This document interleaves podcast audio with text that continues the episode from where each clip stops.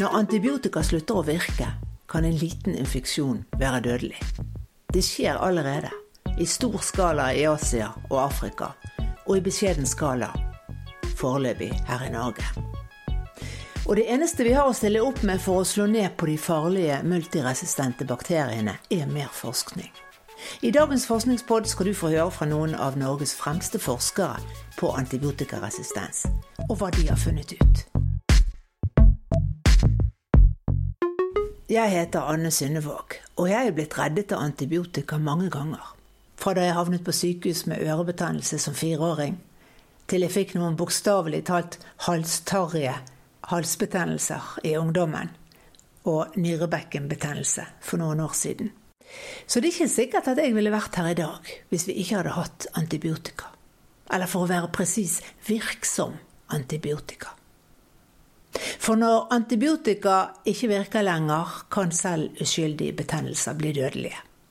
Tidligere i år slapp Verdens helseorganisasjon tall for 2019. Det året anslår de at nærmere fem millioner mennesker i verden døde av bakterier som var blitt resistente mot antibiotika.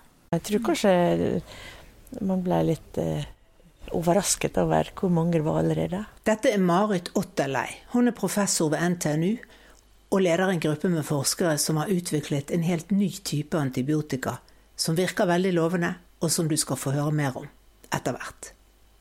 Men først, hva er det egentlig som skjer når en sykdomsbakterie utvikler resistens og overlever en antibiotikakur? Det handler om hurtig evolusjon, sier professoren. Bakterier muterer i voldsomt tempo. Vil si han kan mutere sånn at han bryter ned antibiotikaen fortere. Eh, han kan mutere sånn at han pumper ut av antibiotikaen raskere. Eh, og han kan mutere sånn at det som antibiotikaen skal binde seg til, ikke binder lenger. Det er mange måter bakterien kan, kan gjøre seg motstandsdyktig med, mot antibiotika. Og egentlig antibiotikaresistensutvikling er egentlig bare en hurtig evolusjon. Så hurtig at 100 års evolusjon for en bakterie tilsvarer sånn ca. 5 millioner år med evolusjon for oss. Med andre ord hele utviklingen fra sjimpanse til Homo sapiens. Og evolusjon er uunngåelig. Husker du Alexander Flemming? Han som i 1922 oppdaget at en muggsopp inneholdt et stoff som kunne drepe bakterier, nemlig penicillin. Han skjønte alt den gangen at antibiotikaresistens er uunngåelig. Flemming sa allerede det når han fant penicillinet, at hvis man bruker penicillin lenge nok, så blir det resistens. Så langt har et titalls pasienter i Norge dødd av infeksjoner som antibiotika ikke biter på. Og problemet er økende, og det er mye som står på spill. Den dagen vi ikke måtte ha antibiotika som virker lenger, vil det få enorme konsekvenser for folkehelsen. En enkel urinveisinfeksjon eller halsbetennelse vil kunne bli fatal hvis man får veldig mye antibiotikaresistente bakterier, så blir jo uskyldig lungebetennelse f.eks. kan jo bli vanskelig å behandle. Du kan dø av det som man ikke tror er noe farlig. Men det er også veldig vanskelig å gjøre operasjoner, da. Fordi at man kan få sykehusbårent infeksjoner med antibiotikaresistente bakterier. Uten virksomme antibiotika vil kirurgene neppe tørre å utføre en hofte- eller knetransplantasjon heller. Og du vil ikke kunne få effektiv kreftbehandling, for når cellegift og annen behandling svekker immunforsvaret hos kreftpasienter, trenger de antibiotika for å forebygge infeksjoner. Det er alltid de svakeste som blir mest ramma. Sånn er det jo med alt. Det gjør ikke saken bedre at du kan gå rundt med multiresistente bakterier i tarmen uten å vite det. Professor Arnfinn Sundsfjord er mikrobiolog ved Universitetet i Tromsø. Det er sånn at eh, de tarmbakteriene, altså Tarmen inneholder jo utrolig mange bakterier. Og et av de store problemene med antibiotikaresistens, det er multiresistente tarmbakterier. Og det får man når man er ute og reiser i den store verden og spiser mat og drikker vann som er forurensa, og de tar man med seg hjem.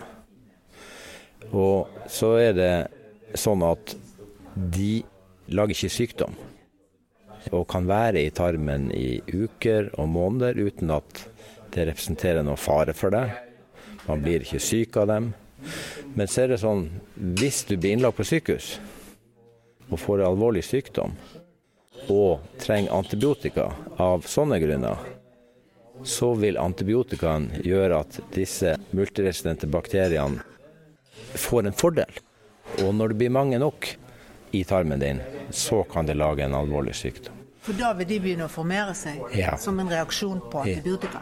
Ja, og de vil ha en fordel, fordi de i utgangspunktet er motstandsdyktige mot antibiotika, i motsetning til nabobakteriene i tarmen, som er følsomme. Men hva kan man gjøre da hvis man har vært mye ute og reist? Skal man da teste seg, eller er det bare en sånn tikkende bombe man ikke vet når man går rundt med? Norge har eh, lite antibiotikaresistent sammenlignet med store deler av verden. Og det må vi klare å holde på så mye som mulig. Så hvis man har vært ute og reist eh, de siste månedene, spesielt de tolv siste månedene, så må man si fra om det hvis man skal innlegges på sykehus. For da skal man undersøkes på spesielt multiresistente bakterier. Og da, hvis man har det, så skal man ikke ha et rom sammen med andre pasienter, for da kan man spre det videre til andre. Så det er kanskje det viktigste man gjør, det er å unngå å smitte andre. Unngå at disse særlige resistente bakteriene får fotfeste på norske sykehus. Det må vi unngå. Vet vi hvor mange av oss som går rundt med sånne resistente bakterier i tarmen? Ja, vi har egentlig fått gode tall i Norge i, i dag. Så det vi vet er at kanskje ca. 5% i en normal voksen befolkning er bærer av særlig multiresistente tarmbakterier. 5% altså 1 av 20. Og så må vi vel si at det er håp om at de òg kan behandles hvis de blir syke, eller? Ja, vi har reserveantibiotika fortsatt, sånn at vi har midlertidige løsninger. Men disse bakteriene som er blitt multiresistent, de har en særlig evne til å bli enda verre. Og Derfor må vi oppdage dem tidlig, vi må ha god diagnostikk. Og eh, de som har vært ute og reist, eh, gjentar igjen, si fra når man blir innlagt på sykehus, for da blir man undersøkt for det, og da kan man unngå å spre det videre. For paradoksalt nok er det på sykehusene at de farlige bakteriene som blir resistente mot antibiotika, har det med å spre seg. Og det er en god grunn til det. En av grunnene til at det eh, utvikler seg resistente bakterier i sykehusene, det er jo fordi at det brukes mye antibiotika i sykehusene. Og antibiotika er en driver av antibiotikaresistens. Dette er en annen professor, Elling Ulvestad, avdelingssjef ved mikrobiologisk avdeling på Haukeland sykehus i Bergen. Det handler litt om eh, denne Darwin sin teori om evolusjon ved naturlig seleksjon. For det, i sykehusene vil det alltid være bakterier som er resistente mot antibiotika. La oss si, hvis du bruker penicillin på en eh, pasient som har en eh, ørebetennelse, så vil penicillinet kunne ta livet ut av den bakterien som pasienten eh, har, og som gir ørebetennelse. Men penicillinet vil ikke kunne drepe resistente bakterier. Slik at disse bakteriene som da er resistente mot penicillin, de vil få en overlevelsesfordel i et miljø der penicillin kommer inn. Det gjør at den resistente bakterien den vil øke i forekomst. Det blir mer og mer ut av de, selv om du dreper de penicillinfølsomme bakteriene. Så på den måten der så avler vi fram resistente bakterier i sykehusene. Og da snakker du fra pasient til helsepersonell til pasient igjen osv., ikke sant? Ja. Eh, disse bakteriene de eh, er bevegelige i eh, sykehuset. Så de, de kan òg på gjenstander i sykehuset. Eh, helsepersonell vil kunne være transportører av disse bakteriene eh, hjem til seg sjøl, men de kan også overføre disse resistente bakteriene til pasienter. Og da får du jo en sykehusinfeksjon i slike tilfeller. På Haukeland leder Ulvestad en stor studie som snart skal publiseres. Målet med studien har vært å finne ut hvordan vi kan få ned bruken av antibiotika på sykehuset. Så har vi tenkt at en av de viktigste sykdommene i verdensmålestokk eh, når det gjelder eh, dødelighet overfor pasienter, det er lungebetennelser. Ulike typer lungebetennelse. Der brukes det veldig mye antibiotika. Hvis vi kan gå inn og gjøre noe med antibiotikabruken hos pasienter med lungebetennelse, så har vi eh, gjort en innsats for å få ned antibiotikaforbruket. Og måten vi har valgt å gjøre dette på, er å tilby bedre diagnostikk for lungebetennelse. Det å diagnostisere en lungebetennelse det kan være veldig vanskelig. Dvs. Si, du vet at pasienten har lungebetennelse, men du vet ikke hvilken bakterie eller hvilket virus eh, pasienten har fått lungebetennelsen ut av. Så for å behandle en slik lungebetennelse, så gir man ofte et antibiotikum som virker på en stor eh, mengde bakterier, sånn at du er sikker på å treffe. Formålet med vår studie er at vi eh, skal kunne identifisere den bakterien eller det viruset som gir eh, lungebetennelsen. Og så skal vi kunne bruke ett antibiotika som er målrettet, som tar livet ut av eksakt den mikroben. Og hvis det er et virus, så skal vi kunne fjerne antibiotikum i det hele tatt fra pasienten. For virus skal ikke behandles med antibiotika. For å finne ut hvilken bakterie eller virus som er skyld i lungebetennelsen, tar de en prøve av slimet som pasienten hoster opp fra lungene. Og på laboratoriet bruker de en ny og sofistikert analysemetode som vi kjenner fra pandemien, en PCR-test. Den identifiserer presist hva slags bakterie pasienten er smittet med, gjennom å avlese arvestoffet, DNA-et, til bakterien. Og det går raskt som gjør at vi i løpet av én time kan fortelle behandlende lege hvilket smittestoff pasienten er smittet med, og hvilket antibiotikum som vil kunne brukes for å behandle. Hvis vi dyrker, altså hvis vi gjør dette slik som vi har gjort det alltid frem til nå, så tar det mellom ett og to døgn å skaffe den samme informasjonen. Så vi reduserer altså eh, tiden eh, fra ett til to døgn til én time. Ja, fabelaktig. Og det, er det ingen bakside med dette? Nei, dette her er det ingen bakside ved. Tvert imot så gir vi mye mer presis informasjon etter én time med den nye teknikken enn hva vi kan gi etter 24 timer med den konvensjonelle metoden. Og dette fungerer ikke bare i teorien, men også i praksis på sykehuset?